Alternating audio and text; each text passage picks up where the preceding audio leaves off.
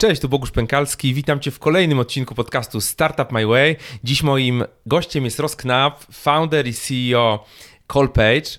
Będziemy rozmawiać przede wszystkim o tym, e, jak powstał Callpage i jak wyglądała jego droga od zera aż do ostatniej sprzedaży, sprzedaży firmy. E, porozmawiamy na pewno też o e, właśnie o tej sprzedaży. Zobaczymy, ile się uda wyciągnąć e, szczegółów z Rosa. Myślę, że będzie bardzo ciekawie. Na pewno będę się starał przeanalizować całą tą historię Colpage'a, gdzie były te kluczowe momenty. Mm, no i zobaczymy, co z tego wszystkiego wyjdzie. Zanim zaczniemy, oczywiście zapraszam Cię do naszego darmowego sasletera. Wejdź na akademiasas.pl i zostaw swojego, swojego maila. E, link znajdziesz gdzieś tutaj na dole. Także zapraszam, tam znajdziesz trendy, strategie, porady, wszystko co potrzebują e, osoby, które chcą budować swoje sasy albo już to robią. Więc nie przedłużając, zaczynamy teraz rozmowę z Rosem. Cześć Ros. Cześć Bogusz. E, witam Cię w podcaście. Na początku standardowo powiedz, kim jesteś i czym się zajmujesz. Yy, więc cześć wszystkim, yy, nazywam się Rosknap, jestem yy, co-founderem i CEO Copage. Na co dzień yy, prowadzę Copage, ale już ostatnio dużo się zmieniło, dlatego że w styczniu doszło do przejęcia naszej spółki. No i teraz e, działam w ramach yy, grupy SaaSwabs, gdzie na co dzień buduję Copage i też pomagam budować wejścia na rynki europejskie. Okej, okay, na początek chciałem zacząć od takich e, pytań bardziej związanych z tobą. E, chciałem cię zapytać o cele. Czy wyznaczasz sobie jakieś cele? Krótkoterminowe, długoterminowe? Jak, jak do tego typu rzeczy podchodzisz? Generalnie no, sobie dzielę takie na trzy poziomy celów. Mam krótkoterminowe cele na jeden rok i staram się, jeżeli chodzi o mnie, tak nie tylko biznesowo, ale i prywatnie, no to mam strefy, w których sobie wyznaczam różne cele, czyli to są i strefy prywatne, i biznesowe. No i staram się trzymać taki w miarę, nie zawsze to się udaje, ale taki balans y, w wyznaczaniu tych celów i w ich realizacji. Później mam taki y, średnioterminowe cele, to są takie cele można powiedzieć, na 5-7 lat i to jakby raz na 5-7 lat sobie myślę, w którą stronę mam iść, moje życie i to też e, ogólnie i biznesowo, i prywatnie. No i też mam takie jakby długoterminowe cele, ale to już długoterminowe cele to, to są takie cele, które muszą wychodzić spoza jakby poziomu życia, e, więc poziomu życia, więc to są takie cele trochę filozoficzne, trochę jak żyć, dlaczego, no i takie wszystkie rzeczy. No i tutaj cały czas jeszcze poszukuję prawidłowego modelu i mam nadzieję, że jak znajdę, no to, to też będę y, dążył do tego, żeby te cele były wykonane. No właśnie, a ile, ile masz lat teraz? Teraz 29 lat. 29, tak, tak. kurczę. młodość jeszcze. Młodość, młodość, no. E Szukasz tego modelu, tak? Tak, szukam cały czas. Głównie to są jakby różne nurty filozoficzne. Y, no i poprzez filozofię ostatnio y, myślę, że y, wcześniej miałem bardzo du dużą taką popęd na stoicyzm, mhm. teraz właśnie platonizm bardziej mi imponuje, więc myślę, że to jest tak, na ten moment to jest to, gdzie szukam tych celów takich długoterminowych. A w, to, a w tym platonizmie jakie takie kluczowe, kluczowe rzeczy? Bo stoicyzm jakby jest, jest mocno e, znany już, tak? Już wszyscy, mm -hmm, wszyscy mm -hmm. wiedzą, jak to, na czym to wszystko polega. No generalnie, że y, jakby krótko to jest tak, że człowiek musi upodobać się do Boga dzięki temu, że będzie się uczył, się rozwijał i dzięki temu jakby już osiągnie swój cel, tak? No i jeżeli wchodzimy głębiej, no to tutaj już mamy, że tam cały czas trzeba się rozwijać, że jakby takim sensem jest y, curiosity i to, że cały czas się uczymy, no i, i, i to jest jakby taki jednych y, założeń y, tego stoicyzmu, z tego platonizmu, Yy, no i, i, polecam Platona do przeczytania. Tutaj już myślę, że nie ciekawe, będę wchodził Mamy pierwszą, pierwszą pozycję do polecenia. E, powiedz mi, czy jak wygląda twój dzień ogólnie? Czy masz jakieś takie rytuały rano, w ciągu dnia, w, mhm. wieczorem? To, to wszystko tak de facto zależy od dnia, y, bo mam sobie trochę podzielone, jeżeli chodzi... No, korem jest jakby całego dnia, no jest y, biznes, jest SaaS, który, który prowadzę. No więc jeżeli chodzi o sam SaaS, no to tak, poniedziałek mam mocno operacyjny i staram się skupić się na operacjach. Wtorek jest taki mocno spotkaniowy, gdzie ogarniam spotkanie wewnętrzne. Środa zostaje sobie wolny, czy to dla operacji, czy to za kontrahentów zewnętrznych, y, czy to na jakieś różne niezaplanowane aktywności. Czwartek jest dniem takim planowania taktycznego, strategicznego, No i piątek jest takim dniem trochę e, autorefleksji, rachunku sumienia, kultury, y, no i tak sobie, sobie planuję. Jeżeli chodzi o mój tryb pracy, no to też się zmieniał, jak się rozwijała firma. Na początku to było, y, kanabalizowało to mój cały dzień, więc poświęcałem, trochę była taka ofiara, y, taki tryb Herosa, na który poświęcałem cały swój czas. Później to się zmieniło, no teraz de facto pracuję tak po, po 8-9 godzin. Yy, no i, i, i, dzięki temu jakby później mam czas na, na jakieś swoje czy hobby, czy, czy spędzanie czas z rodziną, takie, takie standardowe rzeczy. Więc yy, jeżeli chodzi o jakieś rytuały yy, poranne, wieczorowe, jakichś specjalnych nie mam, nie, nie będzie takiego jakiegoś clickbaitu. Mhm. Natomiast takie rzeczy, co robię, no to, to wieczorem planuję następny dzień mhm. według jakichś swoich takich kierunków, które chcę rozwijać. No i, i, i y, poniedziałek rano sprawdzam, czy, y, czy, czy da się to zrobić, czy nie. No i też mam tak jakby rutynę, no i staram się jakby ta rutyna jest i nic z tym nie zrobimy, ale są takie rzeczy trochę ważniejsze od rutyny, właśnie te ważniejsze rzeczy akurat planuję, no bo rutyna to nie da się to zaplanować. Nie? Tak, tak, tak. A robisz sobie jakieś takie listy, list, listy to do, że y, Robi... mam trzy rzeczy do Tak, spróbowałem różne kanbany, mhm. narzędzia, aplikacje, to wszystko u mnie już jakby sprawdziło się, już teraz wróciłem już dziesiąty rok pod rząd. To jest po prostu kartka papiera, która sobie A4, który rozdzielam na różne yy, yy, płaszczyzny. Mhm. No i tutaj widzę, co mogę zrobić samodzielnie, co yy, mogę zdelegować, co jest prywatne, co jest jakby biznesowe. No i tak sobie podzielam na takie zwykłe kartki A4, umieszczam wszystko, co mam zrobić. I ręcznie, tak? Ręcznie, ręcznie, tak, tak, tak. No w moim przypadku tak się sprawdza. Wiem, że i, i, i działam według takiej metody trochę getting things done, mhm. tak? Czyli wszystko, co planuję, no staram się na tą kartkę wpisać. No więc mam trochę tych kartek na koniec roku, y, także, także tak, tak, tak No ciekawe, ciekawe, nie? Siedzimy bardzo mocno w technologii, a wracamy do, tak. do kartek pisanych, e, pisanych odręcznie, ale to też są chyba badania, że pismo odręczne inaczej też wpływa, inaczej triggeruje nasz mózg niż wpisywanie czegoś na przykład wiesz, w aplikacji. Tak, tak, tak jest. Y, no, oprócz tego ma, działa jakoś tam satysfakcja, kiedy to skreślamy, kiedy wpisujemy ręcznie, czujemy może więcej odpowiedzialności. Nie wiem. Wiem, że jestem jakby w technologicznej działce biznesu, ale jakoś takie analogowe rzeczy mi jarają. Nie? Tak, tak, no musimy E, musimy, musimy jakoś e, też mieć detoks od tej technologii. Jest takie ciekawe, ciekawe powiedzenie, że jeżeli pracujesz głową, umysłem, to odpoczywaj rękami, nie? Mm -hmm. Czyli właśnie mm -hmm. e, wiesz, robienie jakichś, jakichś rzeczy nie, niezwiązanych z, z komputerami, z technologią. Powiedz mi, jak, czy masz jakiś taki sposób na to, żeby, żeby zachować wysoką wydajność, wysoką produktywność, no bo wiadomo, że, że, że, nie jest to proste. Mm -hmm, Też ta mm -hmm. bieżączka nas dopada, z drugiej strony jakieś zwątpienie, jakieś takie, wiesz, cięższe chwile, masz jakieś takie patenty mm -hmm. na, na wysoką wydajność, produktywność? Generalnie y, tak. Y, przede wszystkim jak kilka takich taktycznych rzeczy, które nie robię, dzięki temu mam więcej czasu. Przede wszystkim nie jestem aż tak mocno wyeksponowany jak wcześniej w social mediach, czyli staram się mniej postować, mniej zaglądać, czasem mieć jakąś dyscyplinę, że na zasadzie wyłączenia. No dzięki temu, że nie jestem aż tak zbyt aktywnie, y, aktywny, no to y, mam więcej czasu na skupienie się takiego operacyjnego i to jest jakby taka pierwsza rzecz.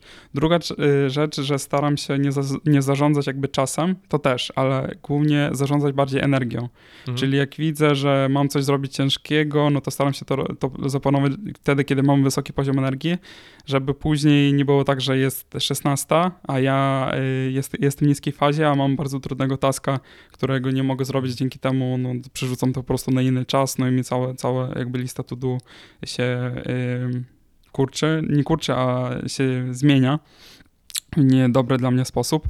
I to jest jakby drugie taka rzecz, czyli zarządzanie poziomem energii, czyli zrozumienie, kiedy mamy wysokie cykły, kiedy mamy niskie, no i po to dobrania sobie yy, różnego typu pracy. Yy, no i wiadomo, że jak, jakby takie standardowe rzeczy, że co robić, co nie robić, też decydować, coś tam zdelegować, coś tam samemu zrobić. No tak standardowe raczej rzeczy, oprócz tych dwóch. Okej, okay, okej, okay, fajnie. Tak. Detoks social mediowy, tak, to na pewno jest e, dobra, dobra rzecz. E, okej, okay, już przechodząc tak do, do naszego meritum, zaczniemy e, trochę od, od, od końca czyli od tego, tego, co się ostatnio wydarzyło, czyli przejęcia mhm. E, Callpage przez, przez SAS Labs. Mhm. E, potem wrócimy do tego w ogóle, jak, jak Colpage powstało, bo to jest też fascynująca historia i wiele, wiele ciekawych rzeczy na pewno stamtąd można wyciągnąć. Natomiast zacznijmy od tego, od tej sprzedaży, bo to jest rzecz, która no, interesuje wielu founderów, tak? Ten, ten mityczny exit, mhm. tak? Jeszcze, mhm. jeszcze, jeszcze też nie, nie do końca tak? pracujesz na dalej, jesteś dalej tak. e, CEO e, Colpage. A powiedz mi, od czego, od czego w ogóle ten proces się zaczął? Y- Skąd, e, jakby jaki był, jaki był początek tego wszystkiego? Czyli sprzedaży. Sprzedaży, tak. tak sprzedaży, sprzedaży. Jeżeli chodzi o proces sprzedaży, no to jakby Początek sprzedaży był na tym, że była rada nadzorcza i razem z radą nadzorczą, z funduszami postanowiliśmy, że prawdopodobnie sprzedaż to jest kierunek, któremu możemy się przeglądać i mając jakby takie wskaźniki spółki, wiedząc, że jesteśmy bardzo blisko jeszcze na ten moment do poziomu rentowności w SASie, to stwierdziliśmy, że to jest dobry moment, żeby się porozglądać na rynku i, i, i zobaczyć, czy ktoś by nas kupił, czy nie. To jest taki był początek, y, no i później już to był 2021 y, rok, początek roku. Okej, okay, czyli w sumie rok temu, tak? Tak, tak, tak, rok, rok temu, tak. Czyli jakby ta inicjatywa wyszła, wyszła od was, od, y, od, od, od funduszy i od... Tak, tak, czyli wspólnie jakby mamy takie y, rady nadzorcze razem z funduszami, trochę takie amerykańskie, mhm. kiedy uczestniczymy razem z nimi. No i de facto wtedy stwierdziliśmy, że ok, no to myślę, że czas, żeby coś rozglądać się też jest dobry cykl mhm. koniunkturalny, mhm. więc czemu nie? Znaczy to był już taki powiedzmy moment, kiedy powoli się zaczynały kończyć te, te okresy właśnie tych inwestycji. Mhm. Tak? No wiadomo, że fundusze VC są otwierane na, na jakiś il, ilość, ilość lat, mhm. tak? I potem muszą, muszą się zamknąć. Czy to też się jakby zbiegło trochę z tym? Tak, w niektórych funduszach faktycznie y, już musieli zamykać te y, mhm. swoje fundusze, mhm. no w sensie takie, takie ten pięcioletnie, więc to, to też pomogło podjąć tą decyzję. A czy wcześniej mieliście opcję sprzedaży firmy? Czy były, przychodziły propozycje? Wcześniej mieliśmy, natomiast yy, nie traktowaliśmy to jako, jako poważnie. Były propozycje, ale tak podchodziliśmy, a tutaj ktoś zaoferował jakąś kasę, ktoś mówi, że no poważnie by, by sprzedał, a jak to przedstawimy Radzie, a może Rada powie nie. No i tak jakoś to tak yy, nie traktowaliśmy na poważnie, można powiedzieć, nie? Więc w związku z tym nic tego nie było, bo jednak po już po tym roku, nie, jak już powiedzieliśmy, że aktywnie chcemy sprzedać, no to, to faktycznie musi być bardzo przemyślany proces. Więc taki freestyle, no to czasem rzadko się udaje, tak mi się wydaje. Okej, okej, okay, okay. czyli y, dobra, zdecydowaliście, że faktycznie może sprzedaż będzie fajnym, mm -hmm. fajną opcją mm -hmm. w tym momencie. Mm -hmm. I jak zaczęli, aktywnie zaczęliście poszukiwać potencjalnych kupców? Czyli generalnie tak, bo, zaczęliśmy poszukiwać kupców i przygotowywać spółkę do sprzedaży. Jeżeli chodzi o y, poszukiwania kupców. To jest spółka w Polsce, tak? Spółka tak, tak, tak. Spółka w Polsce, też mamy córkę w Stanach. Y, I jeżeli chodzi o poszukiwania y, kupców, to y, zrobiliśmy standardowy teaser inwestycyjny, zrobiliśmy jakieś one-pagerze, no i generalnie trzeba też mieć na uwadze, że jak robimy sprzedaż, to nie jest jak, tylko kto, tak, czyli zatrudniliśmy mhm. jeszcze jednych doradców, później drugich, później trzecich, no i później udało się znaleźć y, jakby odpowiednich dla nas.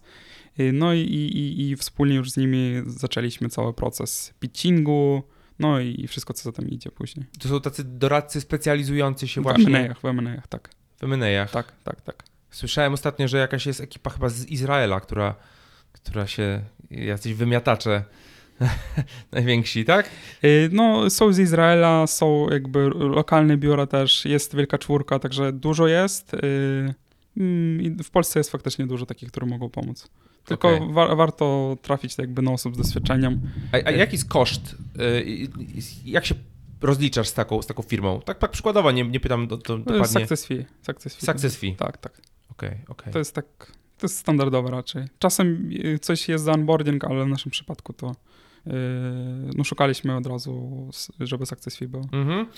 Yy, dobra, no to ta firma zaczęła działać, mamy, mamy ten teaser. E, no i co, ona zaczęła jakoś podsyłać mamy, kandydatów? Tak, mamy teaser, zaczynamy analizować rynek później, widzimy różne y, branże, gdzie mamy strategiczną synergię. No tutaj de facto, jak mamy SASA, no to y, jeżeli mamy takiego dużego SaaSu, który tam na przykład ma y, tam 20-30 milionów złotych y, ARR-u, no to wtedy można sprzedawać do, do jakiegoś, na przykład rozgląda się do jakiejś private equity, jeszcze coś.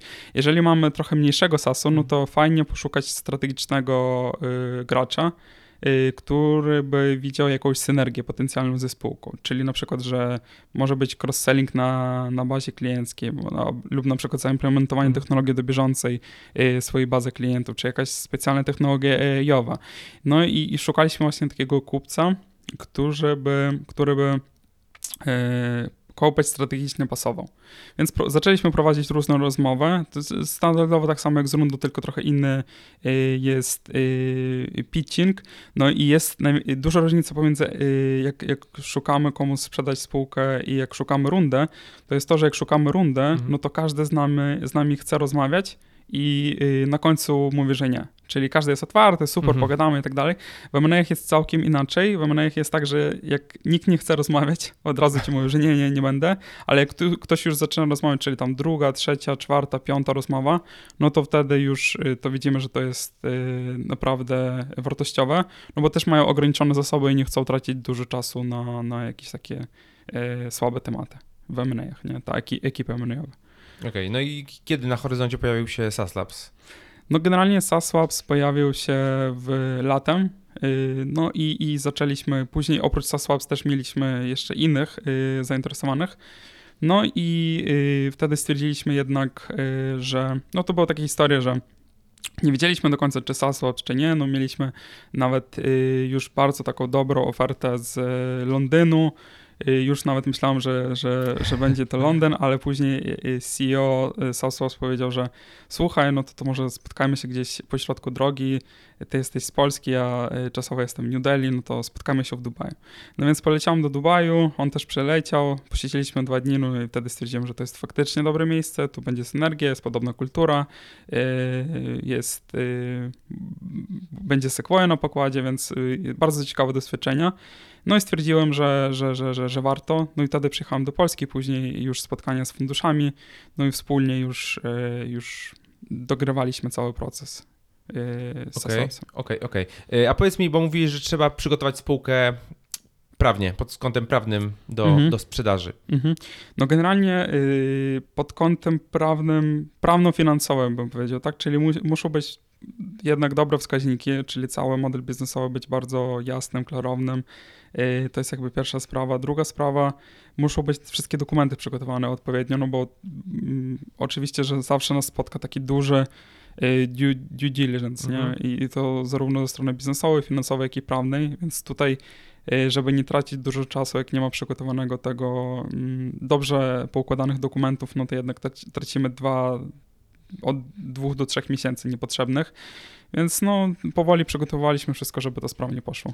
I to też jakąś dedykowaną firmę braliście? Czy Nie, nie, tutaj, tutaj już robiliśmy in-house. Yy, no jednak to, to są nasze dokumenty, także Mhm. mieliśmy po prostu bardzo dobrze yy, poukładaliśmy spółkę, żeby to był yy, pure, vanilla. Czyli czysty- zawsze czysty. jest jakiś chaos, nie? Tak, tak, tak, żeby, żeby był porządek z chaosu. Tak. Okej, tak. okej.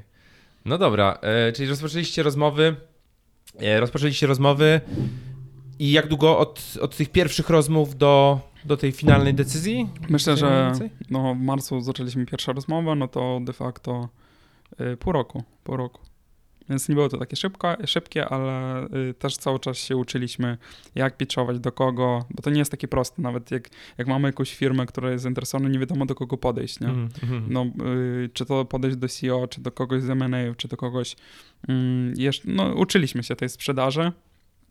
Także y, po tym pół roku nauczyliśmy się, no i to już prędzej, bar, bardzo szybko poszło. I oni przejęli 100%, 100% udziału. Tak, tak, tak. E, czy kwota jest e, publiczna? Czy Nie, nie, kwota nie jest. Kwota nie jest publiczna. A będzie publiczna kiedyś, czy Nie, nie. nie będzie publiczna? Okej, dobra. E, Może będzie, ale, ale to od nich. Okej, o to od nich zależy. Tak, A powiedz mi tak z perspektywy twojej jako jednego z założycieli, czy to była trudna decyzja, czy to była prosta decyzja, czy w ogóle nie myślałeś o Mm, tym? Generalnie. Y, Sprzedałeś jakby swoje dziecko w jakimś tak, tak. No, sensie, no generalnie jakby sama decyzja o początku sprzedaży była prosta, no bo. Okej, no idziemy, idziemy w sprzedaż. Nie wiadomo, czy będzie, czy nie, no to nie jest takie jednak proste, nie? Traktowałem to trochę na zasadzie, awan, awantury, nie? Że, Mhm. że nie do końca wiadomo co i jak będzie. Natomiast już później, jak y, w samym procesie byłem bardzo zmęczony, no bo jednak y, to już takie kole, na przykład o 11 w nocy, o, o 12, bo trzeba przygotować jakieś dokumenty na due i tak dalej, plus same układania tej transakcji, no to nie było takie proste, więc byłem dość zmęczony. Później, jak po podpisaniu, y, to, to też byłem zmęczony, a jak obudziłem się, to trochę byłem szczęśliwy, ale później miałem taki miks em- emocji, nie? No bo Mhm. z jednej strony już trochę tak psychicznie nie wiadomo, jak się pozycjonować, w środku nawet samemu do siebie, trochę mm, y, trochę część ego się traci, nie można powiedzieć coś w tym stylu, ale y, już teraz, jak już minął, min, minął jakiś czas, no to jestem nadal happy, także myślę, że to była dobra decyzja, no i jest okej. I już powoli myślisz, co, co tak, zacząć tak. nowego. No, cały czas myślę, nie, ale Za jakiś no, no, czas. Tak. No, w sumie, w sumie jesteś jeszcze no, przed, przed 30 to w ogóle sporo, spo, sporo czasu. E, Okej, a p- powiedz mi, mm, okej, dwie rzeczy. Jedna rzecz, e, czy negocjowaliście sporo, czy, czy raczej... Nie, nie, negocjowaliśmy. No, negocjowaliśmy tak, bo są jakby pewne rzeczy, jakby takie standardowe w M&A, także nie można na przykład, żeby był jeden kupujący, Mhm. no bo wtedy będzie to proprietarial deal, no więc trzeba było zadbać o takie sz- wszystkie szczegóły.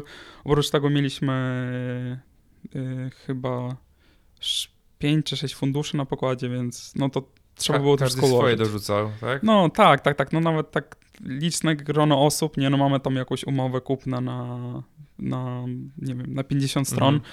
no to ten tekst trzeba było nawet przeprocesować ze wszystkim, no to dużo y, czasu zajmowało. Także Okej. no trochę jest tak negocjacji. Bez negocjacji mi się wydaje, że y, ciężko byłoby cokolwiek sprzedać. A, lub nieprawidłowo ogólnie tak sprzedawać bez negocjacji. A czy masz jakieś, nie wiem, rady dla osób, które budują firmę i potencjalnie gdzieś myślą o sprzedaży? Czy, czy są jakieś błędy, których mogą uniknąć, jakieś rzeczy, które już dziś mogą zacząć robić z myślą o tym, żeby, żeby za jakiś czas y, gdzieś tam ta sprzedaż była prostsza? No generalnie y, prawdopodobnie jakby rada, jakby błędów strategicznych nie naprawiać operacyjnymi, czyli dbanie o cap table tutaj jest istotne, dbanie o to, żeby y, do, o dobry timing, kiedy trzeba też wyznaczyć, kiedy sprzedawać, no i też dbanie o to, żeby spółka, żeby nie nabrać za dużo inwestycji, tak, żeby Mhm. jakby takie, takie trzy, trzy rady, cap table, inwestycje, no i też timing, wiedzieć, kiedy sprzedać, nie? Więc te trzy rzeczy, a jeżeli chodzi o takie techniczne rzeczy, no to raczej nie myśleć o tej sprzedaży, bo często jest tak, że founderzy od razu z dnia pierwszego myślą o sprzedaży. To jest dość długa droga, trzeba jeszcze zbudować value, więc y, myśleć o biznesie pierwsze 5 lat, a później już myśleć o sprzedaży. Ja bym tak, tak doradzał. Przynajmniej z mojego Okej, widzenia. czyli na początku w ogóle się nie przejmować tym. Nie, nie, nie, jechać po prostu, pr- spróbować budować wartość, no bo to nie, nie będzie tak, dotką bańkę już za nami, było Tak. to może kolejne, tam teraz wszystko pospadało właśnie na ten moment, e, tam 50-60% spółki technologicznej już nie wiadomo teraz, już nie będzie tak łatwiej, więc no musimy budować wartość. I jak zbudujemy wartość, no to ktoś się znajdzie, to jest kwestia już techniczna. No właśnie, to teraz porozmawiajmy o tej budowie wartości. Jak to się wszystko w ogóle, e, w ogóle zaczęło? E, powiedz mi, na początku miałem, miałem pytanie, czy, czy to 28 sekund, to dzwonimy do ciebie 28 sekund, czy, Mhm. to, czy to faktycznie działa? Czy to, kto, kto to w ogóle wymyślił? E, Ko- wym- konkretną liczbę? Wymyśliliśmy y, y, jakby samą koncepcję my z y, moim wspólnikiem Sergiejem. Y, y, Pozdrawiamy Sergieja. Sergiej też dołączył do klubu SAS ostatnio. Tak? O, właśnie, mam nadzieję, że, że również ciebie na pokładzie zobaczymy. Bardzo zapraszamy, moi kochani, do klubu SAS. Y, także bar bardzo chętnie. Także my z Sergiejem to wymyśliliśmy. Y, jeżeli chodzi o 28 sekund, to było takie chwytliwe hasło marketingowe. Y, i później już zobaczyłem w, Wikipedii, że to jest jakby czas, za który ekipa pożarowa mu musi się zebrać i, i wyjechać na y, jakieś zawołania, tak, Mhm. na jakiś wypadek. Jakiś był jeszcze serial, y, także no to się przyjęło bardzo mocno i później tak to marketingowo już zostało kojarzone przez rynek, że zostawiliśmy to. Chcieliśmy jakiś czas się pozycjonować od, od dzwonienia za 28 sekund, bo, ale to, to już było ciężko, więc stwierdziliśmy, że to zostawiamy i, i, i to do tej pory jest. Teraz już widziałem, że oddzwonił ciebie w 15 sekund nawet są. Tak, nawet jest 10, a my nawet technicznie odzwaniamy 3 sekundy, natomiast y, wolimy zachować ten brand 28 sekund, także zostawiamy tak, tak, tak, kojarzy się, kojarzy się.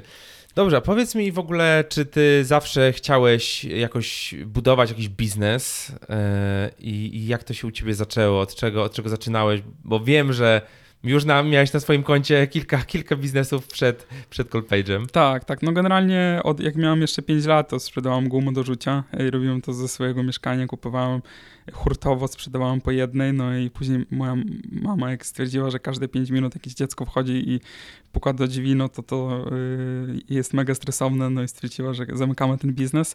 No i później były różne przygody. Miałem przygodę z e-commerce'em, yy, dekoracje okienne, yy, nawet jeszcze wtedy w. Yy, później miałem... Yy, pracowałem w doradztwie, więc doradzałem bardzo dużej ilości firm. No i, i, i trochę jeszcze miałem różne przygody, takie spółki usługowe po drodze.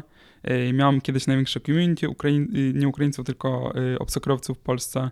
Miałem takie karty specjalne, które sprzedałam w abonamencie za chyba 200 lub 300 zł miesięcznie. Z tą kartą można, można było mieć różne zniżki, można było mieć dostęp do doradztwa dla obcokrajowców, którzy tutaj przyjeżdżają już do Polski. Tam było około 700 osób, które z tego korzystali, więc takie community w latach 2013, 14, 2013, 2012. No i więc miałem sporo doświadczenia w spółkach takich usługowych. No i to wszystko później jakby doprowadziło do tego, że pracowałem w tym doradztwie, no i w tym doradztwie było tak, że gość powiedział, e, ty tutaj doradzasz, y, bardzo jesteś mądry, a y, jakiegoś sukcesywnego biznesu nie, nie, zbudowałeś. No więc mi to trochę tak y, dało do myślenia, zmotywowało.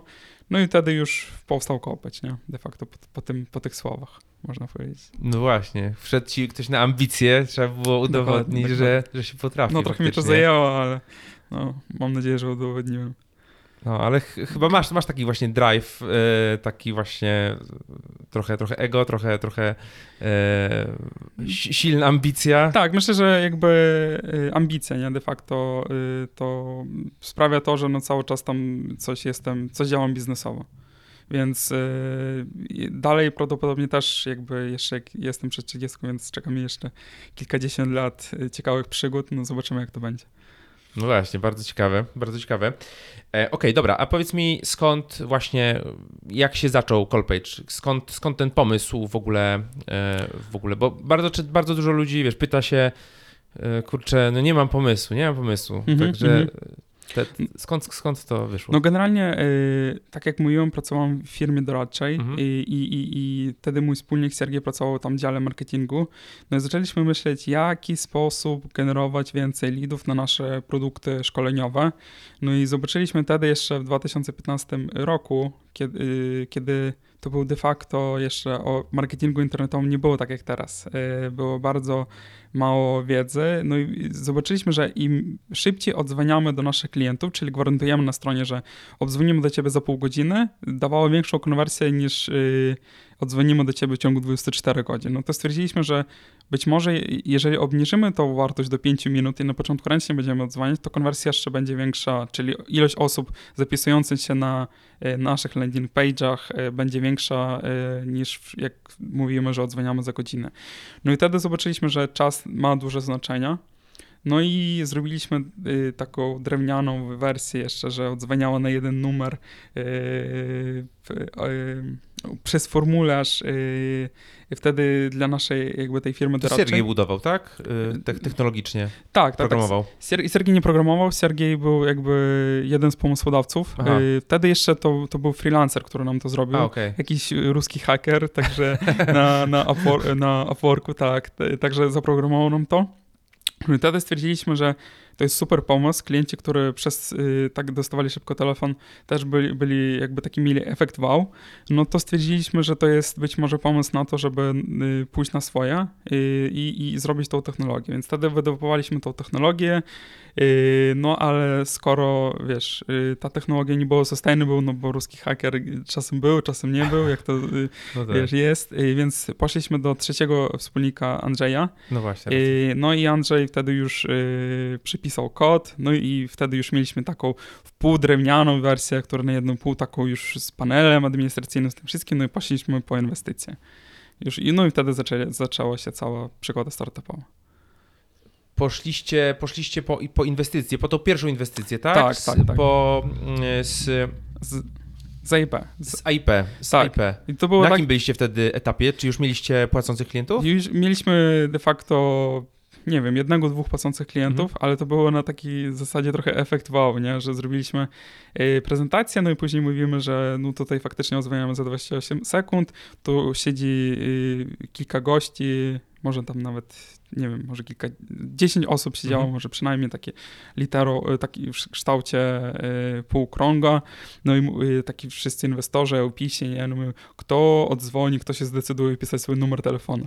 No i jeden gość się zdecydował, no i wtedy tak odzwoniło do niego, on tak wstaje z tą komórką dzwoniącą, że działa, działa. No i to był te, ten moment, kiedy zdecydowało IOPS.com aniołom biznesu wejść w CoPage'a, no i, i później zaczęła się cała jakby przygoda inwestycyjna. Czy rozwiniemy, że AIP, Akademicki Inkubator Przedsiębiorczości, tak, tak, tak. Czyli miejsce, gdzie możesz e, zgłosić się i dostać jakieś fundusze Tak, tak. na projekt. Ile to było kasy wtedy? To było 180 tysięcy złotych razem z aniołami biznesu, tak oni Z, za? I- Za chyba 15% udziałów. No tak. Dzisiaj to już No. zupełnie, zupełnie Tak. są inne, inne kwoty. Dokładnie. E, Wtedy, wtedy tak było. E, No dobra, czyli tak pozyskaliście pierwsze, pierwsze środki Tak. I zaczęliście rozwijać, rozwijać projekt. Tak, tak. I wtedy, no, de facto zaczęliśmy inwestować, czyli przepisaliśmy, dopisaliśmy module produktowe. Byliście we trzech, tak? Tak. Czy nie zatrudnialiście na tym etapie Jeszcze, ludzi? jeszcze nie, jeszcze nie. Później zatrudniliśmy jakby, to jest śmieszna sprawa, nie, no bo w tym doradztwie, no to byłem dość, na dość wysokim Mhm. stanowisku i miałem asystentów, więc zatrudniłem sobie asystentkę. Yy, To było śmiesznie, teraz bym nigdy tak nie zrobił, bo wszystko jest automatyzowane, ale wtedy to była taka moda, Yy, więc pierwsza pracownica Cooper jest e, a- asystentką. Asystentka, asystentka prezesa. Tak, tak, tak. No i generalnie, ale później już zaczęliśmy y, trochę y, więcej y, inwestować. Zatrudniliśmy dział sprzedaży jako pierwsze. No i później ja siedziałem na czacie i sprzedawałem przed tym działem sprzedaży. No i pierwsze 40 klientów to przyniosłem przez interkoma i przez de facto przez telefon, sprzedając jako founder, tak, żeby Mhm, brać mhm. jakieś pomysły, feedback. Czasem to było głupie rozmowy, czasem mądre, ale ten feedback był bardzo kluczowy e, w, z punktu rozwoju produktu. E, Później zatrudniliśmy cały dział sprzedaży. Zatrudniliśmy bardzo mądrą head of sales. No i ona zaczęła nam już y, robić nie product led growth, taki, który mieliśmy Mhm. wszyty w DNA, ale też taki sales led growth, tak? Czyli salesowo zaczęła e, pomagać nam y, zwiększać naszą trakcję. No i później w jakimś momencie, momencie y, kasa się skończyła. Trzeba było myśleć, jak, jak dalej. Czyli tą head of sales zatrudniliście z tych środków, Z tych środków, tak. Początkowych, Tak, tak? tak, tak. No i wtedy też trochę porobiliśmy głupot, bo, bo jechaliśmy po różnych konferencjach. No i wtedy był taki moment, w którym y, już kasa nam się kończyła. Dla rundy y, seedowej y, byliśmy jeszcze za mali, a y, taką samą A rundę... co to znaczy, że byliście za mali? No nie mieliśmy trakcji, nie mieliśmy MRAR-u, mieliśmy tam te 50 klientów, ale to było tam chyba 2000 dolarów, coś takiego. No- A, a jaka jest granica, żeby, żeby tą rundę seedową pozyskiwać? I Mniej więcej? 10 teraz. I 10 t- tysięcy- wtedy też było taki Do- 10 tysięcy dolarów? dolarów? Tak, tak, tak. No to jest według mnie, nie? No wiadomo, Mhm. że teraz jakby rynek jest różny, czasem ktoś na 50, ktoś na 5, ale wtedy tak jest, takim standardowy to jest dycha y, dolarów. No i wtedy co? Wtedy mamy ostatnią konferencję kupioną slash w Helsinkach. Y, Próbowaliśmy różne akceleratory, ale nam nic nie udało się, no i wtedy y, pojechaliśmy tam i, i, i z Andrzejem, nie? Z, z moim wspólnikiem, Andrzej, to jest nasza ostatnia konferencja, musimy się wychillować, wiesz, zrobić sobie fajną imprezę, bo być może, wiesz, trzeba będzie wrócić z powrotem y, w, do software house'u, do consultingu, do tego wszystkiego, bo może y, skończy nam się kasa, po Mhm. prostu się zamkniemy.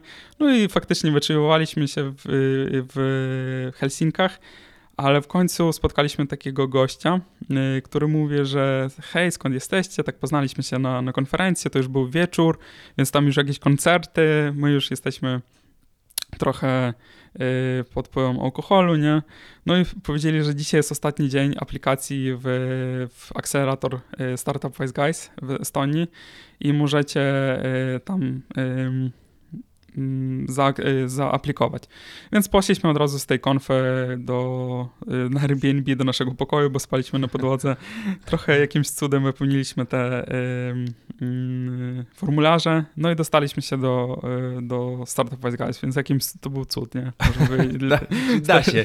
W każdych, w każdych warunkach. tak, tak, tak, więc się udało. No i wtedy y, mieliśmy ten dział sprzedaży z Head of Sales w Krakowie, a myśmy musieli wyjechać do Estonii na akcelerację. Na ile wjechaliście? Y, Na, od stycznia do, do kwietnia, do końca kwietnia, na 4 miesiące.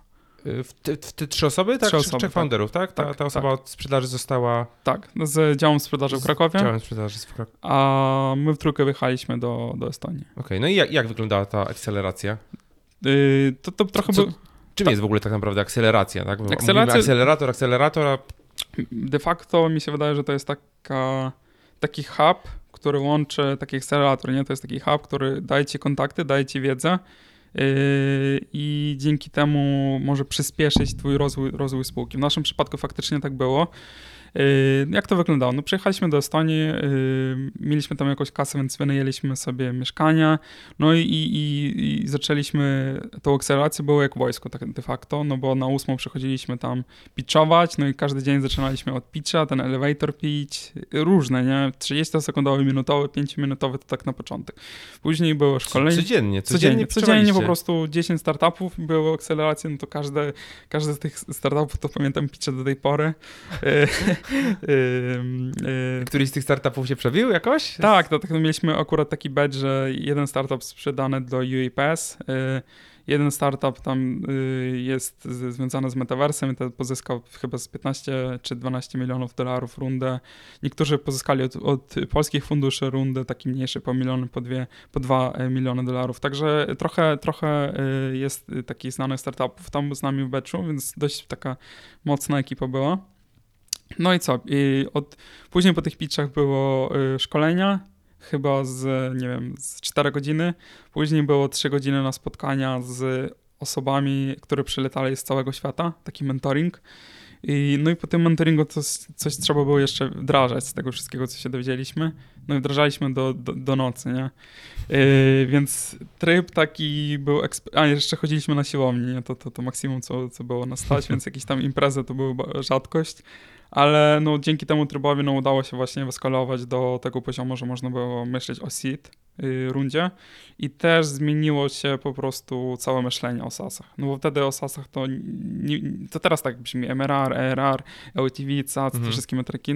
Wtedy w 2015 roku to jeszcze nie było wszystkie takie mm, oczywiste dla nas. Nie było y, właśnie takich na przykład y, wiesz, newsletterów, jakie ty masz, takich produktów y, edukacyjnych, które ty pomagasz młodym founderom.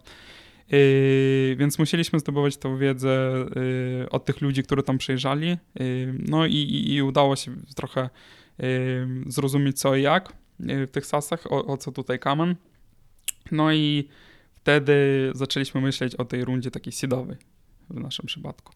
Yy, No i po skończeniu tej akceleracji yy, Czy tam też była jakaś, y, jakaś kasa y, z tego akceleratora? Tak, dostaliśmy 30 tysięcy euro na start i follow-on 30 tysięcy euro, czyli sze- 250 tysięcy złotych dostaliśmy Aha, okej. yy, za chyba 7%. Czyli to trochę wam przedłużyło Tak, tak, tak, przedłużyło. runway. Runway przedłużyło, nie na długo, ale, ale, ale tak, żeby dociągnąć do tego już y, normalnego MRR-u, no to wystarczyło. No i później y, zaczęliśmy szukać seed, ale tak, tak się składało, że y, leciałem do, z, do Londynu, no i spotkałem właśnie z Krakowa do Londynu Rafała Brzoskę.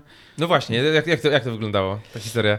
Y, To było tak, że y, siedzieliśmy w Ryanerze w samolocie. Andrzej mówi, my, Ros, kurczę, kiedy już my będziemy private jetem latać, bo już nie mogę, ja mam, jestem wysokiego wzrostu, już nie mogę wysiedzieć tutaj y, na tych takich... y, Tak, tak. No, Nie ma miejsca na kolana. Tak, tak. Ja mówię, ty Andrzej, patrz, Rafał Brzoska, jeżeli on jest z listy Forbes tutejszy lata, no to my nie prędko, nie? Więc zobaczyłem Rafała, a czytałem wcześniej jego książkę i stwierdziłem, że tak z ciekawości zupełnie, nawet nie wiedziałem, że coś tam jest związane z startupami, więc yy, przysadziłem kilka gości, Yy, powiedziałem, że to jest mój znajomy, chociaż faktycznie nigdy go nie, nie wiedziałem. No, zacząłem po prostu pitchować, nie? Jak, jak tym akceleratorze uczyło się taki haseł. Yy, no i zadawałem trochę takich pytań, yy, taki na zasadzie, nie, że jest tutaj mistrz, ja jestem takim młodym padawanem, nie? I się uczy po prostu, nie? Od, od niego jakąś wiedzę. Trochę, trochę biznesowo, no i też pitchowałem. No i zapiczowałem tak, że powiedział, że słuchaj, no tutaj jestem LPS-em w B-Value i później właśnie już spotkałem się z managing partner Bivalue, no i Bivalue później zainwestowało w Copage. No niesamowite, niesamowite, czyli fake it till you make it, tak. trochę hustlingu, mm -hmm, optymizmu mm -hmm. i, i, takich lekkich, lekkich e, kombinacji, no nie tyle kombinacji, to po prostu działania, tak? Bierzesz sprawy w swoje ręce i, i tyle, i tak, tyle. I, tak, tak. No. I, możesz, możesz dużo, dużo zrobić. Chciałem się zapytać, bo zaczynaliście od Polski. Mhm. E, no, jest tak, takim naturalnym, naturalną rzeczą. Natomiast jakbyś zaczynał dzisiaj jeszcze raz, mhm. to też byś zaczynał produkt w Polsce, czy w ogóle byś wychodził od razu, od razu za granicę i to, to wiesz, to, to, ja odpowiem tak jak wiesz, standardowo, mm. to zależy, nie? De facto to faktycznie zależy od niszy, od tego jaki horyzont, y, jaki mamy pomysł. Jeżeli byłoby, powiem tak, fakt, prawidłowo jest wychodzić za granicę nie? i wszyscy mówią, że trzeba wychodzić za granicę, no bo e, tam jest cały rynek, dużo kasy, no i faktycznie jak patrzymy na te zagraniczne startupy, no to e, rewe jest większe niż w Polsce. Natomiast czasem jest tak, że na polskim rynku jest brak czegoś, co już zadziałało w Niemczech, czy na przykład w Stanach. I, i, I to jest taka unikatowa możliwość, być może z mniejszym horyzontem inwestycyjnym, może nie, nie 5 lat, załóżmy coś zrobimy, a tam za 3 lata. No i, i, faktycznie czasem jest tak, że lepiej wykorzystać taką szansę na polskim rynku i, i to zrobić, zarobić jakąś kasę, no później myśleć tak long termowo. Więc de facto ci powiem, jeżeli będzie okazja do y, fajnej niż na polskim rynku, to zrobię na polskim. Jak nie będzie, no to po prostu będę robił coś na globalnym. Ale jeżeli by... A z Callpage'em? Byś, jakbyś Jakbym robił Callpage'a, to bym robił od razu na zagranicę to, to na pewno. No bo jest willingness to pay jest inne, mm, komunikacja z klientami jest inna, e, to jest całkiem inaczej, całkiem inaczej niż tutaj na, na polskim rynku, no i to, to bym inaczej całkowicie to przerobił. A mieliście e, duże wyzwania technologiczne, jeżeli chodzi o to, o to oddzwanianie do, do klientów? Czy, czy, czy, czy to prosto jakby poszło? Pierwsze, jakby, pierwsze tam, nie wiem, 50-60 klientów to było w zasadzie proste. Yy, challenge technologiczny zaczął się, kiedy zaczęliśmy mocno się skalować, kiedy tam było więcej niż 100 tysięcy połączeń miesięcznie yy, na różnych kontynentach i kiedy zaczęli hakerzy wydzwaniać całą kasę. Więc hmm. jakby hmm. ochrona przed spammingiem plus skala wszystkich tych połączeń z tą logiką potężną, rozbudowaną, którą mamy, zrobiło to już takim no, dużo kodu było napisane i dużo takich algorytmów, które tam, to nie stało się to takie proste, nie? Jak, jakby się mogło wydawać. Okej, okay, czyli dostaliście, spotkałeś się z Rafałem, spotkałeś, pozyskałeś finansowanie z, z. Ty się zajmowałeś ogólnie tym tematem właśnie pozyskiwania tak, tak, tak. fundingu? Tak, ja, ja się zajmowałem, ja byłem odpowiedzialny za biznes, y, de facto za biznes, nie, w Cobage. Okej, okay. i jaka to była kwota inwestycji? Yy, chyba było 2 miliony złotych was... plus 2 miliony follow-up, coś takiego. Okay. Wie, większa, większa tak, tak, kwota, tak, to już tak? było większe, to było przełomowe, nie? To dostaliśmy kwotę i mówimy, wow, co to zrobić? No właśnie, no i co, co z tą kasą zrobiliście? No zaczęliśmy... Y, było to wyzwanie, żeby co, co z tym zrobić, jak to dobrze wydać? Tak, tak, było to wyzwania. Y, no zaczęliśmy mocno inwestować w sprzedaż i marketing, y, trochę w IT, no i zaczęliśmy skalować, no i wtedy bardzo mocno wyskalowaliśmy tą, tą sprzedaż. Tam było dużo X-ów na skalowania y, MRR-u. No i, i to wszystko doprowadziło już do kolejnej rundy, tak? Mhm. A to sprzedaż skalowaliście w jaki sposób? To był taki właśnie sprzedaż wychodząca? Y, to robiliśmy, y, to robiliśmy i mix. Mieliśmy trochę, w większości to był inbound i dużo robiliśmy webinarów, wtedy na rynku polskim dużo takich cross-marketingowych działań. Yy, to, to dużo reklamy na Facebooku też było, czyli PPC też, mm. też było bardzo mocne, ale też mieliśmy dział outboundu, który też yy, już wychodził do klienta, czyli to był totalnie wszystko, co można było próbować, my, myśmy próbowali. Yy, No i niektóre działania marketingowe były lepsze, niektóre gorsze, ale no, Które były lepsze? no to, tak, lepsze były. Yy, wtedy bardzo mocno działały webinary. Yy, no i z webinarów bardzo dużo yy, leadów wyciągaliśmy. No i Ale sprzedawaliście na tych webinarach coś nie, na nie, końcu? nie czy- sprzedawaliśmy po prostu, to było takie long tail, czyli na początku jest taki awareness, później, yy, że, że coś takiego jest, że co, to może wam pomóc marketingowo Mhm. zmniejszyć, zwiększyć konwersję lub zwiększyć sprzedaż, bo leady są bardziej gorące. Później yy, już jak lead trafiał do, do ten, wysłaliśmy mu, jeszcze bardziej edukowaliśmy, czyli jeszcze więcej e-booków. No później trafiał do, do działu sprzedaży, no tutaj dawaliśmy triale, no i później domykaliśmy na, na płacącego klienta. Yy, też działał nam outbound, natomiast to, co ciekawym faktem jest to, to, co działało w Polsce, nie do końca zawsze działało za granicą. I to na przykład, że jakieś eksperymenty, które w Polsce marketingowe, tak, czyli kampanie, które wypalały, yy, które wypaliły w Polsce, yy, za granicą nie do końca to działało w ten sposób. No i tutaj za granicą musieliśmy się na nowo uczyć yy, te, te wszystkich działań. No i, i, i- i to in- inaczej się działało. I Teraz z perspektywy czasu mogę powiedzieć, że content y, SEO jest bardzo ważny na początku startupu, bo to jest taki, trzeba szukać coś takiego evergreen, y, Mhm. żeby było zawsze źródłem leadów, no bo na przykład co z PPC, jak y, nie mamy do końca jeszcze modelu y, y, biznesowego zbudowanego, nie mamy tego przemyślanego do końca, no to, to dzisiaj jest, tego nie ma, a content na przykład on zawsze do, zostaje w sasach. No nie zawsze, ale tam ma długi jakby taki termin ważności. No dzięki temu, że mamy te evergreen, no możemy się skupiać tą energię na innych obszarach i dzięki temu rosnąć, tak? Czyli content bym na pewno polecał. No i dużo eksperymentów, przede wszystkim mieć dziennik eksperymentów. Rozumiem, że marketing to jest jak venture, czyli że dwie z trzech kampanii będą nieudane, ale ta jedna kampania musi pokryć koszty tych dwóch i, i, i tak, tak jechać. Nie? Tak, tak, tak. To tak jak to jest taki y, żart trochę śmieszny, trochę, trochę prawdziwy, że zawsze 50% budżetu reklamowego jest przepalane, tak? Tylko nie Tak. wiadomo, które 50%. Tak, tak, tak, dokładnie, dokładnie. No u nas to, to już jakby analityka też jest dość ważna, także ważne, że, że, żeby Tak. wiedzieli, co, Tak, co jest jednak Dzisiaj przepadane. jest, dzisiaj jest trochę łatwiej, kiedyś faktycznie trochę się, trochę się strzelało. Powiedz mi, jak się w ogóle wychodzi, wychodzi globalnie? Jak, jak wy to zaczęliście? Przetłumaczyliście stronę i heja? No, no y, generalnie tak, y, przetłumaczyliśmy stronę, napisaliśmy trochę kontentu, zrobiliśmy działanie cross-marketingowe z HubSpotem, z innymi dużymi sesami, czyli webinary i, i tak dalej. Zaczęliśmy... Jak, jak się robi na przykład takie działania cross-marketingowe z HubSpotem? U nas było łatwiej, dlatego że mieliśmy duży network y, z akceleracji, więc no po prostu poprosiliśmy o intro do headów, nie pamiętam czego, no i, i zrobiliśmy wspólnego webinara, nie na przykład coś Aha. takiego. Ale generalnie y, jakbym wychodził drugi raz, y, to na, na zagranicę, Mhm. no to czyli tak, content, y, integracja, y, no i to są de facto dwie rzeczy, na których bym się skupił.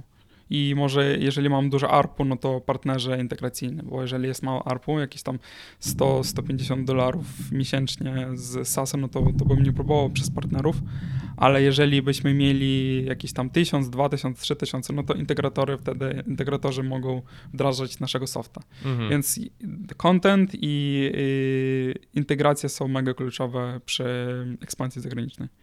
I u nas tak było, że trochę mieliśmy mniej tych integracji, y, bo do końca nie rozumieliśmy y, jeszcze, jak ważne to jest, więc no, duży nacisk tutaj działaliśmy i na inbound, ten, który mieliśmy. Y, Trochę próbowaliśmy robić outboundu po konkurencji po takich cross-sellingowych, y, gdzie, gdzie możemy y, wystrzelić. To też działało, ale konwersje były trzy razy mniejsze niż w Polsce. Y, Więc y, no i takimi sposobami różnymi, tak, eksperymentami, no to przechodziliśmy i próbowaliśmy, no tam pierwsze setki klienta właśnie na różne sposoby udało się zamykać.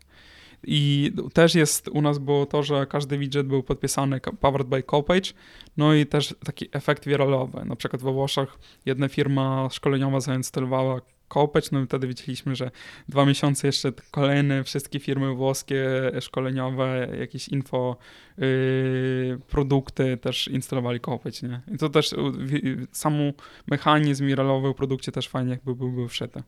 Czyli wbudowany jakiś mechanizm taki, taki wiralowy y, jest, jest fajną, fajną opcją. Tak, tak, tak, zdecydowanie. Zdecydowanie. E, Okej, y, po tej inwestycji z Biwaliu jeszcze były jakieś rundy? Tak, tak, była jeszcze ostatnia runda, taka seria A, Mhm. już od, y, wtedy od Pythongo Market One, y, Capital i y, Innovation Nest. Mhm. No i wtedy już to była ostatnia runda, no i po tej rundzie to już była sprzedaż. I ta runda była na, na ile? Łącznie chyba 20 milionów Coś, pozyskaliście. coś takiego, z- tak, to, to było na, na 17 milionów ta runda. Tam to, trochę było cash out, ale, ale generalnie 17 milionów. No i co, już wtedy miałeś na tyle dużo doświadczenia, że, e, że te 17 milionów nie robiły na tobie wrażenia? Tak, to było dużo y, jak Spider-Man, nie? że duża kasa, duża odpowiedzialność, No. nie? Y, więc no, był to stresowny okres, to trzeba było tą kasę wydawać i pozyskiwać klientów. No i było to mega duże wyzwanie, żeby, żeby wyskalować już przy- z taką kasą, nie? Ile wtedy ludzi było? Wtedy Jak, jak, może tak, może tak, jak to się, jak to się rozwijało? Było was trzech na początku? Czy trzech, było dwóch, potem trzech? Może pó- później było 10, mo, może 9 było, nie pamiętam, później już 25, później 50, później 65, no i 65 to był maksimum. Y, 65 to było maksimum. Tak, tak, tak. Więc y, trochę to nieefektywnie działało, ale działało. Więc to, to było największe. sze- Może, może trochę więcej, nie, nie pamiętam, ale też 65 chyba pamiętam w, y, w Excelu FT co- coś takiego było. Ym, także no to był top. No i tyle, nie? A później zaczęliśmy optymizować wszystko. Y, y, trochę potrwało to y, chyba z rok, że mieliśmy, czy tam półtora, że mieliśmy te 65. No i później stwierdziliśmy, że niektóre nam, niektóre działania się udały, niektóre się nie udały, więc no skróciliśmy trochę zespół. Myślisz, że popełniłeś jakieś błędy w kontekście właśnie zatrudniania i zarządzania tą szybko rosnącą organizacją? Myślę, że tak. Myślę, że, że bardzo dużo błędów popełniłem. Yy, bardzo dużo. Wszystkie błędy prawdopodobnie, które mogłem da. popełnić, tak, popełniłem, ale mi się wydaje, że bez błędów, no to ciężko mm, jakby zdobywać doświadczenie, nie? Więc yy, no tak, popełniałem dużo To błędów. jakie takie e, kluczowe elementy, które... No z zatrudnianiem bardzo dużo błędów y, popełniłem. Y, jakby zatrudniałem nie do końca odpowiednich osób, później się nauczyłem. Z budowaniem kultury też y, popełniałem błędy. Ze sz- przewar- przeinwestowaniem sprzedaży popełniałem błędy. Za dużo inwestowałem w sprzedaży. Y, bardzo dużo. Bardzo, w, każde, w każdym obszarze popełniałem błędy. To jakie miałbyś takie rady dla osób, które właśnie budują coś takiego, co szyb- szybko się, szybko się rozwija i e, pod, pod kątem właśnie zatrudniania? No, brać po prostu doświadczonych ludzi, czyli przepłacać, Mhm. nawet jak trzeba za kogoś przepłacić, no to przepłacać i brać kogoś, kto już miał te doświadczenia, bo nie będzie czasu czegoś się nauczyć, i, a jeżeli już nie, nie mamy czasu, no to brać po prostu mądrych ludzi, z, jakby z wysokim wskaźnikiem IQ, no bo czasem zadania są niestandardowe, no i też się uczyć, nie? Jakby te trzy rzeczy, no i, i, i, i co? Yy, no i de facto te trzy rzeczy, nie? Ale Mhm, żeby mhm. brać tych ludzi, którzy już, na przykład jak mamy, jak mamy milion ERR-u, no i chcemy dojść do 10, no to warto zatrudnić osoby na wszystkich stanowiskach, które już to zrobili, nie? Już, lub gdzieś tam byli w takich spółkach, które mają tam yy, na przykład 3, 5, 7 milionów ARR-u. No bo A ile Colpage ma? To już nie, nie, nie mogę ci powiedzieć. Okej, okej. Nie mogę ci powiedzieć, bo to, to już w sensie to jest jakby do, dostępne, ale to wiesz, bo z, organizacja y, spoza Polski jakby NDA-ki. Okej, to- okej, dobra, dobra. Czyli można sprawdzić gdzieś tam w jakichś finansowych... Tak, tak, tak, ale i, i tak to będzie ten. No, no. E, Okej, okej. E, Powiedz mi, a co myślisz w ogóle o e, pricingu? W Sasie, dużo razy zmienialiście cennik? Jak, jak tak, to, że- zmienialiśmy dużo razy, zmienialiśmy. y, zmienialiśmy. Tak. Na początku kalibrowaliśmy y, pomiędzy dużymi klientami a małymi klientami. No i nie mogliśmy. Tak jak, jak każdy y, jakby niedoświadczony founder, myślałem, że jesteśmy dla wszystkich. I dla mikro, i dla dużych enterprise'ów. No i mieliśmy takie portfolio klientów i, ma, i bardzo małych, i bardzo dużych. No i wtedy zaczęliśmy kalibrować ten pricing, żeby skupić się po prostu na średnim segmencie, czyli tych mniejszym dać im za darmo i mieliśmy taki okres czasu, bardzo ciężka decyzja, że nie obsługujemy bardzo malutkie firmy lub jak obsługu- obsługujemy to automatycznie. I, no i taką decyzję podjąłem, no i, i kilkaset klientów to nas kosztowało, że oddaliśmy im za Mm. darmo y, usługę, tylko żeby oni y, jakby mogli korzystać automatycznie, y, nie tracąc naszego czasu.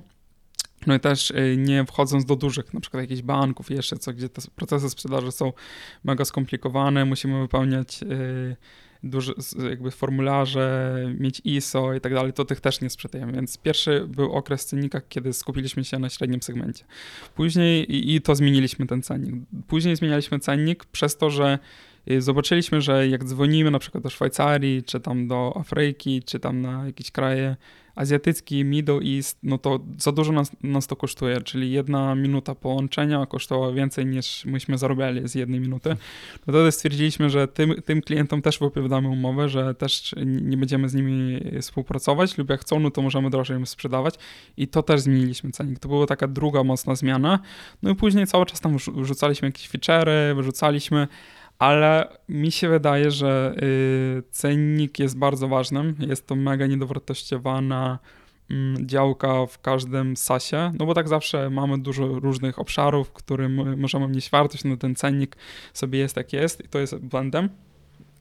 Mi się wydaje, że za cennik y, musimy y, mieć takie spotkania, może raz na trzy miesiące, kiedy tą cenę sobie podejmujemy decyzję, czy tą cenę zmieniamy, czy nie i co w tym robimy. No i też yy, musimy się dużo uczyć, tak, tego odnośnie pricingu, yy, wartości produktu, bo to jest ważne. I jeżeli chodzi o cennik, myślę, że z każdym rokiem będzie to stało się im raz tym ważniejsze, no bo mm, wzrost przychodów SaaS-u maleją Kiedyś można było łatwo wykręcić tam 80-100, teraz już tam mówi się o 40-30. Za hmm. 3-4 lata będzie 9, 10, 11, 15. Nie? I, Tysięcy dolarów MRR. Nie, nie, mówię o, o wzrostach REWE, takim Aha, ro, rocznym okay, poziomem wzrostu okay, REWE. Okay. I y, im mniej SASy rosną, no bo jest dużo tych SASów, mhm. jakby rynek się nasyca, tym bardziej będzie jakby ważniejszym elementem, ile wyciągamy z jednego klienta, ile de facto nam jeden klient płaci. Mhm. I tutaj cennik będzie mega istotnym elementem. Więc mega ważne, raz na kwartał spotkania plus yy, zdobywanie wiedzy odnośnie pricingu jest polecane. Okej, okay, okej, okay, tak. Pricing jest bardzo, bardzo niedocenianą, niedocenianą rzeczą. A to jeszcze rozwijając kwestie pricingowe, czy jeżeli pod, zmienialiście cennik, podnosiliście ceny, to robiliście to też dla starych klientów? Czy jakiś był okres przejściowy, czy, czy zostawialiście je w ogóle na starym w starym y, planie? Najłatwiej jest podnieść dla nowych klientów, bo tak jak y, mi właśnie teraz y, nowy management team SASWAPSu powiedział, że trzeba szanować swoich dziadków i pradziadków i, i, i, im te ceny nie podnosić, a zostawić takie, jak sprzedaliśmy. Więc to jest jakby najłatwiej, tak, podnieść ceny, ale często to nie daje aż takiego efektu. Więc yy, musimy podnosić dla całej bazy. No i to, jeżeli mamy Stripe'a podpiętego, no to jest bardzo proste, czyli jakaś tam komunikacja, część odpadnie, ale dla większości podniesiemy. Natomiast jeżeli są umowy, no to wtedy jest trudniejsze. Mm. No i u nas było to zawsze jakby część, niestety część klientów z Polski no mamy na umowach, no i, i, i to zawsze nie było łatwe, więc podnosiliśmy kilka razy, ale yy, mogli, mogliśmy to robić lepiej.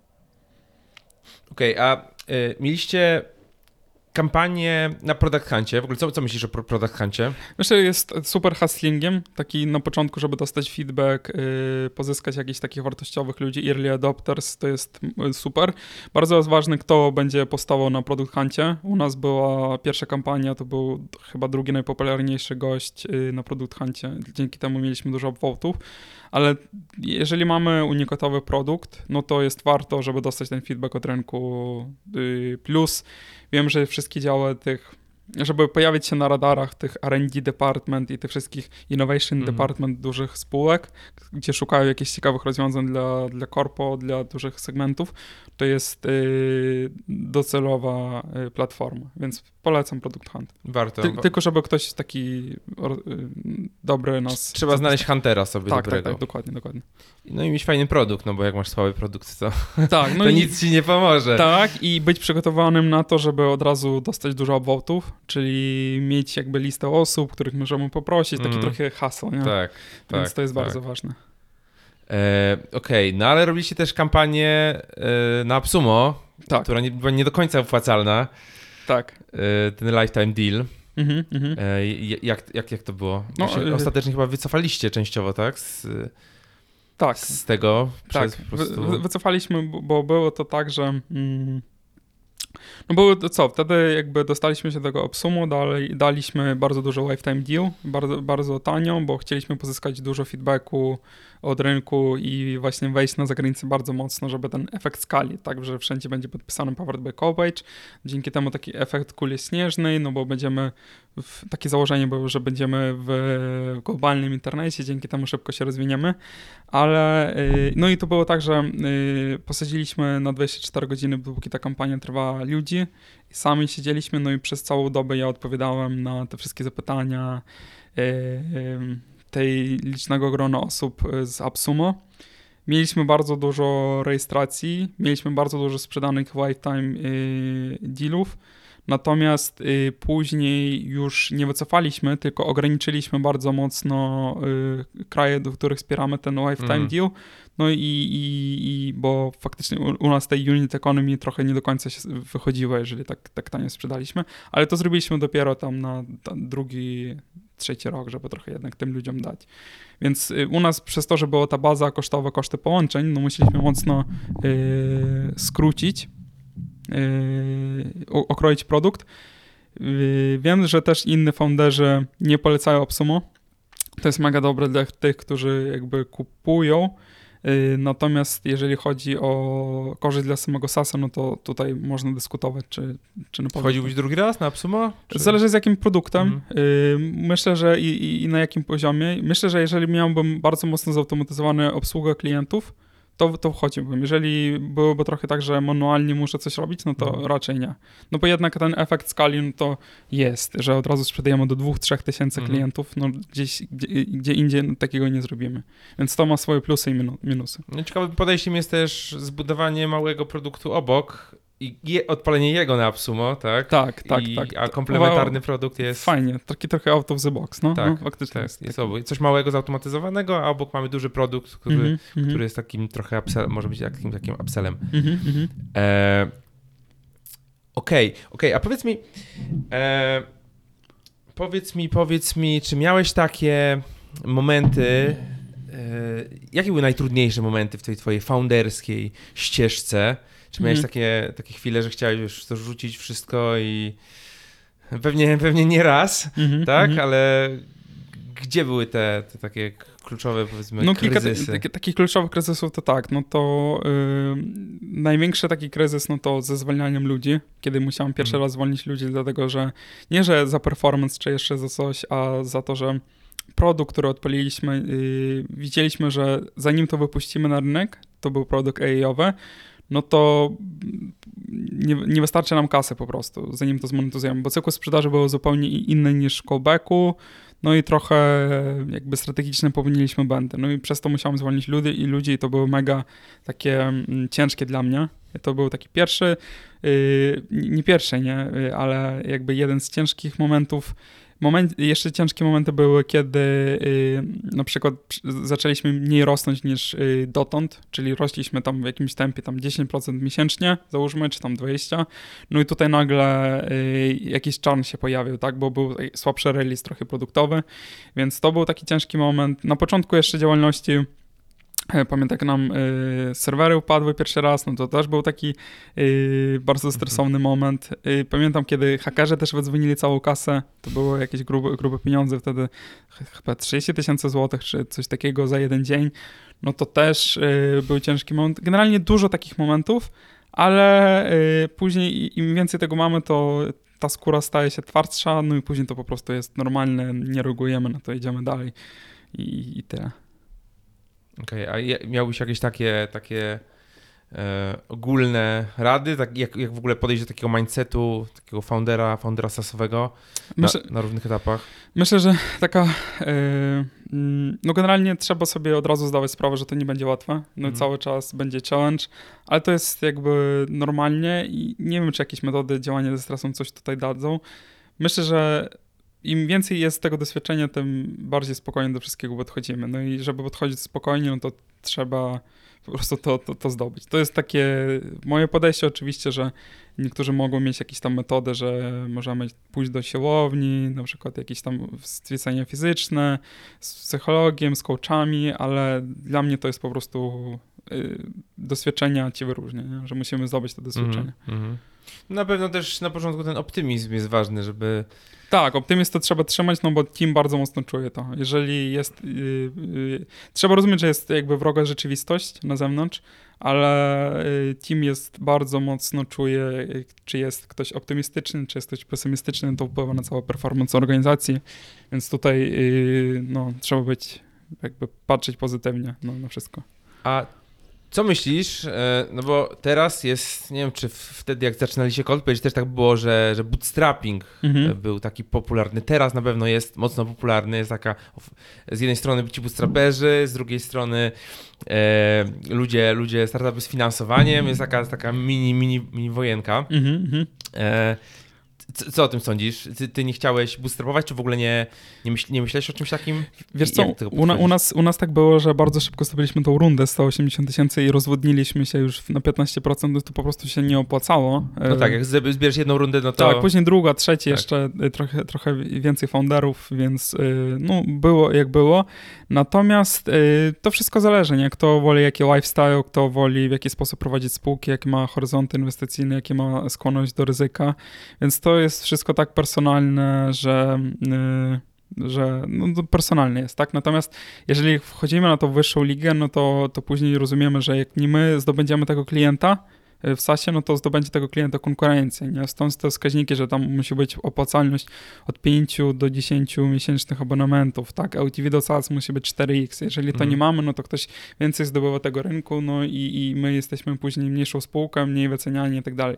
Jeżeli chcemy grać jakby na poważnie, to myślę, że mm, ten jednak y, ten mm, finansowanie jest y, polecane, też myślę, że prawda jest gdzieś po środku i dałoby się na przykład w dobry sposób zbudować venture story, czyli tak sfinansować spółkę, żeby i miałbyś y, satysfakcję i finanse jakbyś bootstrapową, ale z drugiej strony miałbyś kasę na, na, na rozwój startupu, tak? Czyli mi się wydaje, że miks jest najlepszy ale dopasowane do konkretnej i, i, sytuacji. A drugi raz teraz, jeżeli potencjalnie gdzieś będziesz coś budował, no to raczej będziesz podobną ścieżką podążał, czyli, czyli klasyczną ścieżką taką VC? Myślę, że może trochę później wezmę finansowanie, ale, ale jednak to finansowanie wezmę, no bo yy, no tak, tak, myślę, że tak. Żeby na, na, na, na grubo tak, tak, działać. Tak, tak. Powiedz mi, jakie plany na przyszłość w ogóle z, z Callpage'em? No teraz yy, z Copage'em tak, my staliśmy się częścią grupy SAS Labs. Mamy biuro SAS Labs. To jest grupa z, z jakiego kraju? To jest yy, taka, taki indi, indyjsko-amerykański startup. Aha, okay. tak, tak, tak. Oni mają biuro i w, i w Stanach, i w New Delhi. Yy, mają taki duży back office i teraz w Strasburgu i, i w Krakowie. Y, no i generalnie y, moim teraz zadaniem jest zintegrować Copage w SAS Labs. Oprócz tego zdobyłem bardzo dużo doświadczenia, no bo jednak SAS Labs no to jest potężna organizacja, 6000 klientów mm. na całym świecie. Sequoia na pokładzie i pozostałe fundusze, więc jest czego tam się uczyć. No i de facto teraz dużo się uczę od nich. No i, i zobaczymy, tak, jak tam pójdzie dalej, ale na razie jest mega ciekawie, także Fajne, fajne, fajne doświadczenie. Okej, okay, mam jeszcze y, trzy, trzy, pytania od społeczności, mm -hmm, które, mm -hmm. które pytałem się, mm -hmm. e, pytałem się na grupie twórców aplikacji SaaS na Facebooku. E, pytanie pierwsze, czy mocno walczyliście z konkurencją? No bo tych, tej konkurencji się zaczęło pojawiać sporo. Mhm. Więc generalnie na początku mocno walczyliśmy, bo było jakby, podkradała nam konkurencja klientów, ale później tak, no oddaliśmy za darmo najniższy segment, więc przestaliśmy walczyć o najniższy segment klientów, więc konkurencja miała to płatnie i podkradała, my daliśmy to bezpłatnie, więc to dużo był taki strategiczny przełom.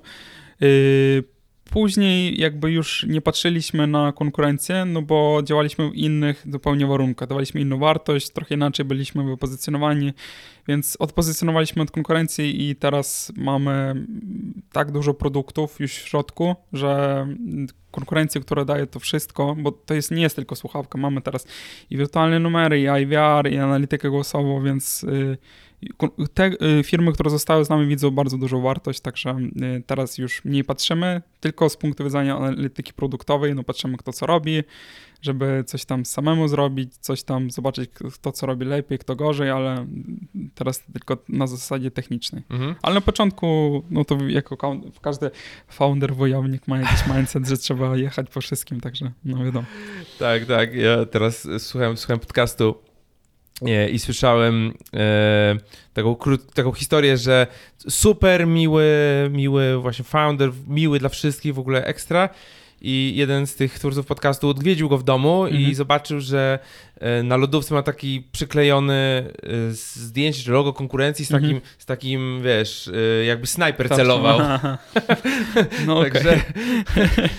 no tak nie było, ale, ale jakby jak, jako każdy, nie? Tam na początku jakby... Tak. No mi się wydaje, że trzeba tak przejść taki, taki szlak cały, żeby traktować konkurencję słabo, ale później do końca mi się wydaje, że dochodzi człowiek do tego, że to jest jakby też inna ekipa, nawet ciekawiej porozmawiać, żeby coś razem podziałać. Tak trochę już tak friendsters, enemy, jak to się mówi, frenemy, coś takiego. Tak, tak. Więc no, takie e, A powiedz mi, e, co nie wyszło z Brazylią? Takie pytanie dostałem. Nie wgłębiałem się, ale mhm. zadaję. Więc generalnie z Brazylią było tak, że mieliśmy tam w country partnera na całą Brazylię i wyskalowaliśmy dość mocno Brazylii, bo było tam nawet u nas 5% całych przychodów przychodziło z Brazylii.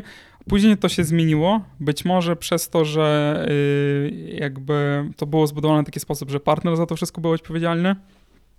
Być może y, przez to, że real brazylijski y, odnośnie do dolaru kilka razy się zmniejszał, ceny były w dolarach. No i generalnie później jakby obroty z Brazylii spadły już z tych 5%, teraz może nie wiem, z pół procent mamy z Brazylii. No i, i, i to tyle. Jakichś takich dużych, że mamy jakieś unsuccess story, no to nie mamy. Mhm. Raczej po prostu, że wystrzeliło, było, było, było, później jakby zmniejszyło się, no i tyle. Cykl życia produktowy, no i tyle. To jeszcze pytanie o społeczność ostatnie. Dlaczego Andrzej jest na Bali?